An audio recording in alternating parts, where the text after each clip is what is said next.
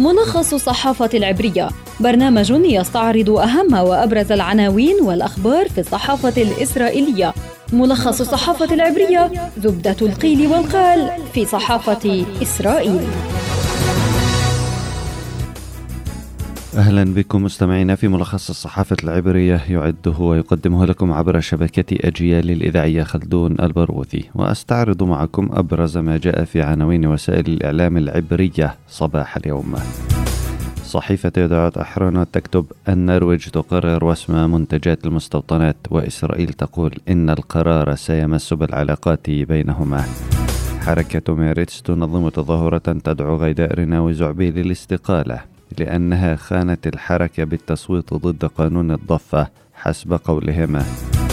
إسرائيل هيوم تعنون بعد الغارة غير العادية على مطار دمشق تغير في سياسات سلاح الجو الإسرائيلي ورسالة إلى دمشق.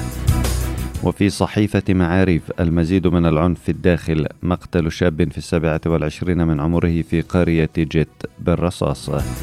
جدعون ساعر يسعى لتقديم مشروع الضفة مجددا عبر الحكومة لكن القانون لن يقدم هذا الأسبوع للتصويت في الكنيسة موقع والله يكتب منصور عباس يقول إنه لا يستبعد المشاركة في حكومة مع نتنياهو وسموتريتش وبن جفير وفي هيئة البث الإسرائيلية غيداء ريناوي الزعبي تقدم مطالبها للائتلاف وتقول إنها لم تتغير بل حركة ميرتس هي التي تغيرت.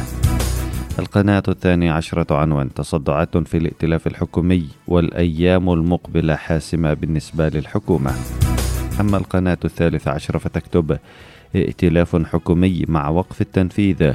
كل العيون ترقب لقاء بنت أوربخ اليوم. قررت الحكومة النرويجية بشكل رسمي وسم المنتجات الغذائية المصنوعة في المستوطنات في الضفة عبر وضع إشارة عليها تقول إنها مصنوعة في المستوطنات في الأراضي المحتلة وليس في إسرائيل وتشمل الأراضي المحتلة من وجهة نظر النرويج هضبة الجولان وقطاع غزة والضفة الغربية بما فيها القدس الشرقية. ويركز قرار النرويج على وسم المنتجات الاستيطانية الزراعية خاصة زيت الزيتون والفواكه والخضار والبطاطا. وهاجمت وزارة الخارجية الإسرائيلية القرار النرويجي الرسمي وادعت أنه لن يساهم في تعزيز العلاقات بين إسرائيل والفلسطينيين وسيؤثر سلبا على العلاقات بين إسرائيل والنرويج وعلى الدور النرويجي في تعزيز العلاقات بين إسرائيل والفلسطينيين.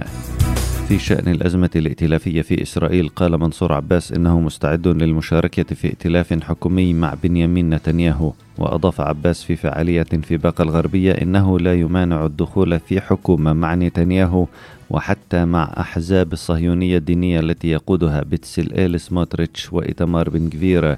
وأضاف أن ذلك ممكن إن لم تستبعده هذه الأحزاب كما حدث سابقا. وعن موقفه من عضوي الكنيست مازن غنايم من القائمة العربية الموحدة التي يقودها عباس ومن غيداء ريناوي زعبي من ميريتس قال عباس إنه لن يطلب منهما الاستقالة من الكنيست بسبب تصويتهما ضد قانون الضفة فالأحزاب الإسرائيلية لم تطلب من عامحاي شكلي وعديد سلمان اللذين تمرد على يمين الاستقالة من الكنيسة قال عباس. وأضاف أن هناك أطرافا في الائتلاف الحكومي تسعى إلى المس بالوضع القائم في المسجد الأقصى للتسبب بانهيار الائتلاف الحكومي.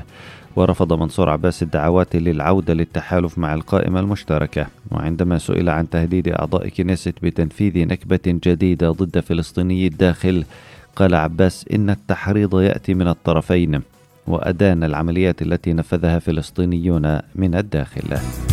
نهاية حلقتنا من ملخص الصحافة العبرية أعدها وقدمها عبر شبكة أجيال الإذاعية خلدون البرغوثي. تحياتي وإلى اللقاء.